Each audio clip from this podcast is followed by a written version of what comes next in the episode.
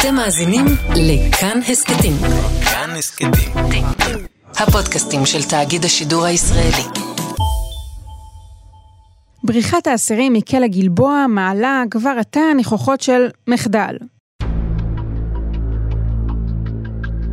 איך זה קרה שדווקא אסירים ביטחוניים שהוגדרו בסיכון גבוה לבריחה מצאו את עצמם מחוץ לכלא, ובמשך ימים ארוכים, ללא קצה חוט שיוביל לתפיסתם. מדוע האגדה מתחילה כעת לבעור, ואם אפקט הבריחה יהדהד עוד תקופה ממושכת, לא רק אצלנו העיתונאים, שישאלו שאלות ואולי יעלו את האפשרות של ועדת חקירה מיוחדת, אלא גם בקרב ארגוני הטרור. היי, אני גילי כהן ואתם על עוד יום, הסכת האקטואליה של כאן. והפעם אנחנו בפרק מיוחד בעקבות הבריחה מכלא גלבוע של ששת האסירים הביטחוניים והשאלות שעולות מהמקרה הזה. אנחנו רוצים להתמקד דווקא בהסתכלות קדימה. האם הבריחה הזו מסמלת משהו נרחב ומשמעותי הרבה יותר דווקא בהתמודדות מול ארגוני הטרור הפלסטינים? לשם כך צלצלנו לדוקטור מיכאל מילשטיין, הוא ראש הפורום ללימודים פלסטינים במרכז משה דיין שבאוניברסיטת תל אביב, ששימש בעברו יועץ למתאם פעולות הממשלה בשטחים. אחד שיודע איך נראה הכלא ומה קורה שם לאסירים הביטחוניים הפלסטינים. שלום מיכאל. שלום גילי. אז אני רוצה דווקא להתחיל ולשאול אותך, למה אנחנו עושים מזה כזה עניין? למה זה כל כך אישו שתופס לא רק אותנו הישראלים, אלא גם את הפלסטינים? אז אנחנו כאן באמת, גילי, נוגעים בנושא שנמצא ממש בלב התודעה הפלסטינית. אה, השישה שברחו הם לא סתם שישה פלסטינים, אלא הם שישה שמייצגים בכלל את כל הנושא של תנועת הפלסטינים, שהיא בעצם לב האתוס הפלסטיני. היא נוגעת כמעט לכל אחד ברחוב הפלסטיני, כמעט לכל משפחה, והיא יכולה די בקלות לסחוף את הרחוב הפלסטיני. אה, לא סתם אנחנו רואים ממש ביממה האחרונה, גילי, שגם ברשות וגם בחמאס וגם בג'יהאד האיסלאמי וגם בשמאל יש צידוד מאוד רחב במהלך הזה, ומעבר לזה הוא נותן איזו תחושה ברחוב הפלסטיני של אקט סמלי הירואי. יכולת ככה להתגבר על כל המגבלות ועל כל הדיכוי בתיאורם של מה שעושה להם ישראל, כלומר, מהבחינה הזאת אנחנו מדברים על אירוע שהוא ממש נטוע כסמל בלב התפיסה הפלסטינית ובעיקר בלב ההתמודדות הפלסטינית נגד ישראל. אז אנחנו עוד אה, נגיע בהמשך לסוגיות הללו של האתוס הפלסטיני כלפי אסירים ביטחוניים, אבל קודם אני רוצה לשאול אותך, אתה היית שם, דיברת עם אסירים ביטחוניים. כן. איך זה נראה? אני חושב ששלושה דברים מרכזיים מאוד בולטים בשיחות עם, אה, עם אסירים ביטחוניים. אחד הדברים הראשונים שבולטים מאוד בשיח הרחב הוא ההבדל שיש בין האסירים של התנועות האסלאמיות לאסירים של, אה, נקרא לזה, הזרם הלאומי הפת"ח. אני חושב שהם מהרבה בחינות אה, רואים, לפחות היום, הרבה יותר רצינות, הרבה יותר ארגון של חמאס ושל הג'יהאד האסלאמי בהשוואה אה, לפת"ח. הדבר השני שאתה רואה, וכאמור, עוד פעם, מאוד בולט בארגונים כמו החמאס וכמו הג'יהאד האסלאמי, שחמישה מתוך ששת הבורחים נמנים על שורותיו, זה באמת ההיררכיה. יש לכל תא, לכל אגף, לכל כלא, מה שנקרא אמיר, המנהיג של התנועה, הוא זה שנותן את האישורים להתדיין עם שירות בתי הסוהר, במקרים אחרים עם אה, גורמים אה, פוליטיים או גורמים אה, שקשורים לעורכי הדין שמייצגים את אותם, אותם אסירים. הדבר השלישי, והוא מאוד מעניין והוא גם מקשר אותנו להרבה דברים שקורים כרגע בזירה הפלסטינית, זה רמת הבקיאות של אותם אסירים, בעיקר אלה שנמצאים כאן שנים ארוכות, בכל מה שנוגע לחברה הישראלית ולציבוריות הישראלית, הם לא רק לומדים את מה שקורה כאן במדינה, הם גם רוכשים את הידע בעברית. והיום אתה רואה לדוגמה אה, מנהיג כמו יחיא סנואר, שנמצא בעזה, ובילה אה, שני עשורים וחצי בכלא הישראלי, הוא גם דובר עברית, והוא גם יודע על איזה, הייתי קורא לזה נקודות רגישות ללחוץ בהקשר של השיח הישראלי. רמת בקיאות מאוד מאוד אה, גבוהה, שכאמור נרכשה בהרבה מאוד שנים של שהות בכלא הישראלי. אגב, השיחות הללו מתבצעות בעברית או בערבית? תלוי uh, במשך השהות של האסיר בכלא, אסירים שנמצאים uh, הרבה זמן, רמת העברית שלהם היא טובה מאוד, אלה שנמצאים יחסית, uh, השיחות הן בערבית. טוב, אז מכך שאמרת שהם מכירים את החברה הישראלית, כנראה שהם בחרו בטיימינג די טוב ערב ראש השנה, לא? לגמרי, לגמרי. אני לא אתפלא בכלל אם זה נובע מתוך הבנה שלהם גם שבאמת העיתוי הזה הוא עיתוי שלכאורה יש בו טיפה יותר התרופפות, פחות מתח מבחינת כלל המערכות, ושהוא באמת זמן טוב לממש בריחה. אני מזכיר לך אגב, גילי, שהג'יהאד האיסלאמי, שכאמור חמש מתוך ששת הבורחים נמנים על שורותיו, הוא ארגון שממש מצטיין בנושא של בריחות. בעצם ההקמה שלו ב-1986 הייתה בעקבות בריחה של גרעין המייסדים שלו אז מהכלא הישראלי בעזה, ולאורך השנים אתה רואה את הארגון הזה אה, ממש נבנה על המיתוס, על האתוס הזה של הבורחים מתוך הכלא, ואחרי זה אותם בורחים גם מצטרפים לחוד החנית של הזרוע הצבאית, ואני חושב שמבחינה הזאת אנחנו צריכים לצפות שאותם פעילי ג'יהאד איסלאמי אה, ממש חותרים להשתלב די מהר בפעילות צבאית, בעצם לחזור לפעילות צבאית שממנה הם יצאו, אז ככה שהם אה, משלימים מעגל, אפילו קורא לזה היסטורי, של הג'יהאד האיסלאמי ובריחות מהכלא. עד כמה הבריחה הזו תשפיע על האתוס הפלסטיני כלפי האסירים הביטחוניים? הרי כבר עכשיו מעמדם של האסירים הביטחוניים בכלא הישראלי הוא מאוד מאוד גבוה בחברה הפלסטינית. זה ישנה? הם יהפכו להיות אה, rockstars יותר ממה שהם היו rockstars, אם אפשר בכלל לכנות מחבלים בתיאור הזה?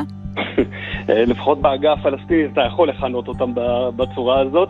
אני חושב שאת נגעת בנקודה מאוד נכונה, גילי, הם כבר עכשיו במצב של מעמד מאוד מאוד רם.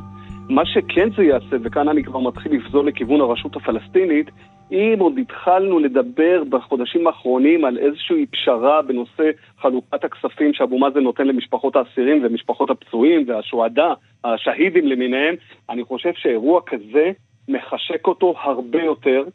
אה, אני חושב שרמת מרחב התמרון שלו לעשות כל מיני פשרות, אה, שיכול להיות אגב שזה מהרעיונות שעלו במהלך המפגש האחרון עם שר הביטחון אה, לפני שבוע וחצי, תהיה עכשיו הרבה יותר מוגבלת, ואני חושב, גילי, וכאן אני כבר מתחיל לתרחש את העתיד, אם ייווצר מצב שבו המנגנונים, מנגנוני הביטחון הפלסטינים, הם אלה, הם אלה שילכדו את חלק או כל אה, חבורת הבורחים, אני חושב שאנחנו נכנסים כאן לתסבוכת מאוד מאוד גדולה בין ישראל לבין הרשות הפלסטינית, מפני שישראל כמובן תתבע להחזיר מיד את, ה, את הבורחים האלה אה, אל לידיה, לכלא, ואני חושב שאבו מאזן כאן, כמעט הייתי אומר, לפחות בנקודת הזמן הנוכחית, אין לו, אין לו יכולת לסגת. אם הוא עושה מהלך של החזרת הבורחים לידי ישראל, הוא מסתכן בסוג של מחאה עוצמתית מאוד נגדו שיכולה להתפתח כרגע מכיוון הרחוב הפלסטיני. במילים אחרות, הבריחה הזו היא לא כאב ראש רק אה, לישראל או למשרד לביטחון פנים, אלא גם לאבו מאזן עצמו, לא? אני, אני בטוח, ואני חושב שגם ברמאללה, במוקטעה, היו מאוד רוצים שהאירוע הזה יסתיים מהר, ועדיף באמצעות אה, לכידה בחיים של ששת הבורחים, אם אפשר אגב שהלכידה תהיה בשטח ישראל ולא בשטח הגדה המערבית, והסוגיה הזאת גם להם, וכנראה אגב גם לירדנים, שכל הזמן אה, ממשיכים לעקוב אה, סביב האפשרות שחלק מהבורחים הגיעו לתחומם, אה, היא סוג של כאב ראש שהם היו ממש מעדיפים לגלגל הלאה, כדי שהתפוח אדמה הלוהט הזה ביחסים עם ישראל, שדווקא התחילו להשתפר בחודשים האחרונים, לא יגרום כאן למשברים חריפים מאוד. בוא נדבר עוד קצת על ההשלכות, מיכאל. רוח גבית לטרור, זו אחת ההשפעות של המהלך הזה? אה, אני הייתי ממקד את זה אפילו יותר, אה, גילי. קודם כל זה כמובן נותן רוח גבית מבחינת החקיינות להרבה מאוד אסירים מתוך בערך 5,000 אה, כלואים ועצורים פלסטינים שנמצאים היום לעשות דברים דומים. אני מאוד מאוד מודאג מההשלכות של האירוע הזה על מה שיקרה ברצועת עזה. אנחנו מאוד ממוקדים ביממה האחרונה, בכמה יממות האחרונות, אחרי כל הקרנבלים האלה, הייתי קורא להם אפילו באיו"ש, הפסטיבלים שבמסגרתם כל uh, רעולי הפנים של הג'יהאד האיסלאמי יוצאים לרחובות, ויש מפגני כוח ושמחות וחלוקת דברי מתיקה. זה כמעט הייתי אומר דבר מובן, אבל אני לא חושב שהולך לשנות מהקצה לקצה את המצב בגדה המערבית, בטח לא להביא לפרוץ אינתיפאדה שלישית.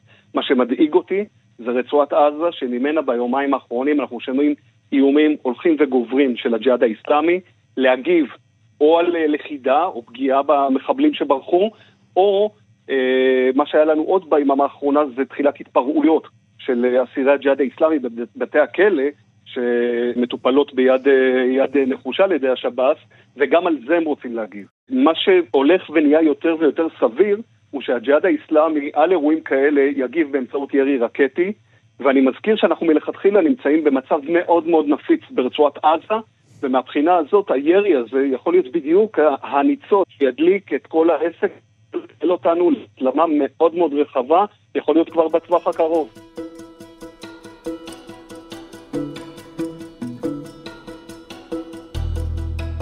וכבר עכשיו אנחנו רואים אה, צעדי תגובה ישראלים, שעל פניו הם חלק מהניסיון אולי אה, ללכוד את אותם אה, ששת אסירים ביטחוניים, אבל הם גם משדרים מסר לאלו שנשארו בבתי הכלא, אל תעזו להתעסק איתנו שוב. גם עצירת ביקורים, שהצלב נכון. האדום עדכן על כך, וגם המשך הסגר שבדרך כלל קורה בערבי חג, בראש השנה, על השטחים, גם עכשיו הוא ממשיך אל תוך סוף השבוע. הצעדים הללו יכולים לערער עוד יותר את המציאות הלא כל כך אה, יציבה באזור? אני חושב, גילי, שבעיקר הצעדים שממוקדים בתנאי האסירים, ובאמת אה, נגעת נכון בנושא של ביקורי המשפחות, ואני אוסיף לזה גם דיונים שמתנהלים כבר בפוליטיקה הישראלית, לגבי uh, בכלל היחס שניתן לכלואים, דמי הקנטינות, uh, מידת החופש שיש להם בתוך האגפים, כל הדברים האלה מעוררים ביממה האחרונה חשש מאוד מאוד כבד. בזירה הפלסטינית מפגיעה במצבם של הכלואים, שכאמור זה אירוע שנוגע כמעט לכל פלסטיני, כמעט לכל משפחה, ואני חושב שבעקבות זה, בטח אם אנחנו נתחיל לראות אה, מהלכים מעשיים של שירות בתי הסוהר נגד כלל הכלואים בישראל, אנחנו יכולים להתחיל לראות תסיסה יותר ויותר גוברת, גם ברחוב בעזה וגם ברחוב באיו"ש, וכאמור בעזה זה גם סוג של דחיפה, בוסט כזה, לג'יהאד האיסלאמי להתחיל לקדם אה, פעילות אה, צבאית כמו שהוא מכיר. יכול להיות לפחות בשלב הראשון לצורך איתותים מול ישראל, להפסיק את הפעילות נגד האסירים, ובשלבים יותר מתקדמים, מתוך ממש רצון להתחיל לסבך את העניינים ובאמת לתעל את כל המציאות המאוד נפיצה שנוצרה לכיוון של הסלמה, שזה בדיוק מה שהג'יהאד האיסלאמי רוצה, ומהרבה בחינות זה גם מה שסנוואר אה, הייתי אומר, לא בוחל בו בעת הנוכחית, כשהוא רוצה לחלץ מישראל יותר ויתורים בממד האזרחי, ואומר, יכול להיות שזה סוג של מתח קטן כאן בגזרה, יכול לעזור לי לצורך כך.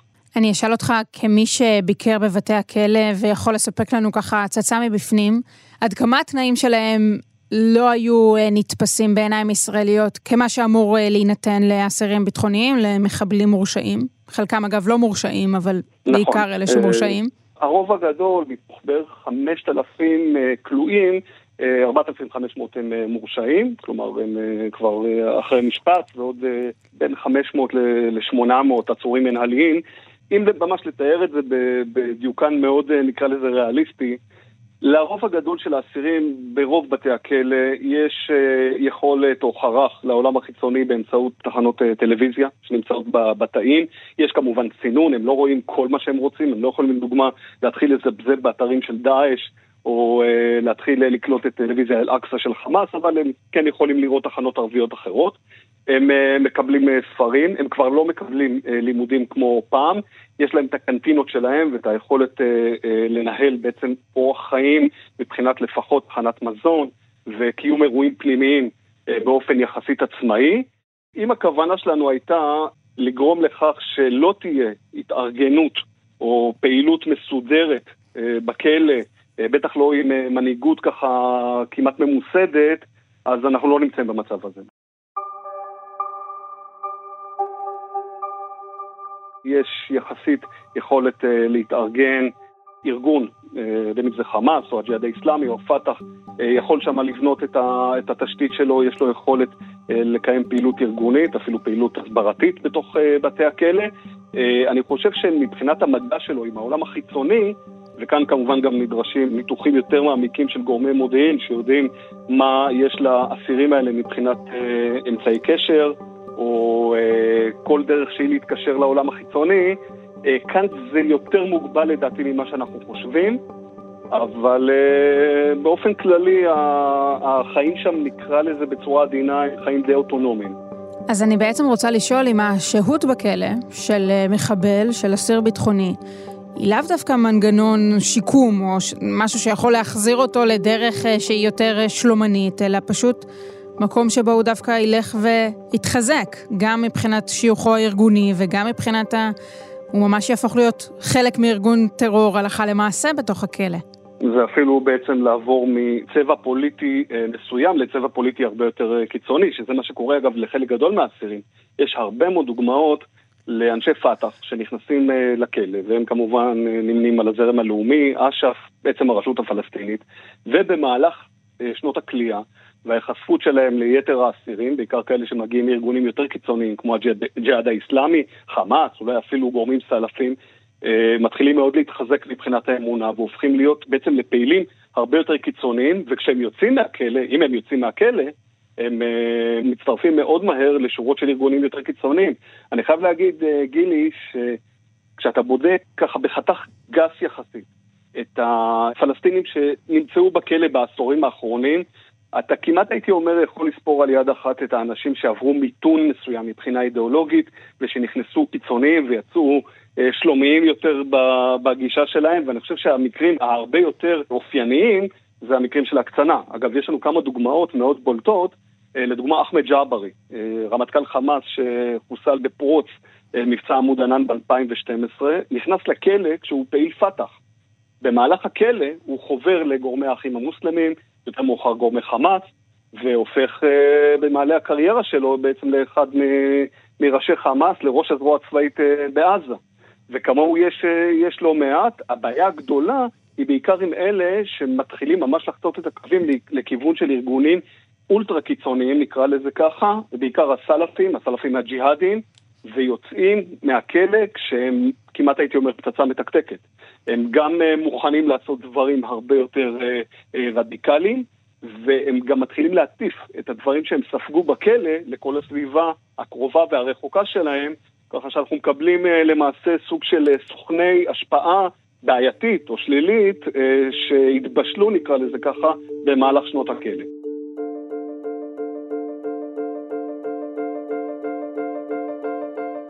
מיכאל, שאלה לסיום, איך אתה חושב שהפרשה הזו של בריחת ששת האסירים תיזכר בעוד שנה, שנתיים מהיום? מאוד תלוי באופן שבו אה, נקרא לזה, תושם ידה של ישראל על, על אותם אה, שישה. אני חושב שאם אה, האירוע יתפתח לסוג של אה, אה, התנגשות אלימה, שבמסגרתם אה, חלק או כולם אה, נפגעים, נהרגים, אנחנו נדבר על הפרשה הזאת בתור תחילתו של סבב הסלמה שהוא דומה, אולי אפילו יותר מאשר מה שחווינו עד היום בעזה. אולי אפילו אגב הדלקה של האווירה מאוד מתוחה באיו"ש, ואפילו גילי לדעתי בחברה הערבית בישראל. אבל אם הפרשה הזאת תסתיים, ואני חושב שיש הרבה שרוצים שהיא תסתיים ככה, בצורה של לכידת כל השישה, בריאים ושלמים והחזרתם, והפעם לכלא הרבה יותר מאובטח, אני חושב שזה ייזכר בתור איזה סוג של אירוע גבורה נחמד שאפשר לספר אותו, נקרא לזה ככה, לנכדים אה, ולהתרפק על הנוסטלגיה שלו, אבל שלא הביא בהכרח לדרמות אה, או לאלימות יותר גדולה במערכת הפלסטינית. מיכאל מילשטיין, תודה רבה לך. תודה לך, גילי.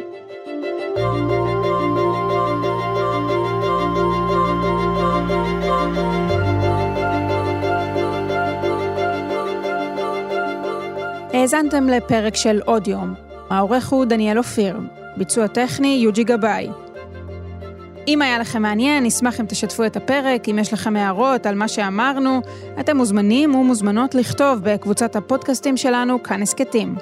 תוכלו לכתוב גם בחשבון שלי, גילי כהן בפייסבוק או בטוויטר. עדיף בטוויטר. את כל הפרקים שלנו והסכתים נוספים מבית כאן תוכלו למצוא באפליקציית הפודקאסטים האהובה עליכם, באתר שלנו וגם בספוטיפיי. אני גילי כהן, נשתמע.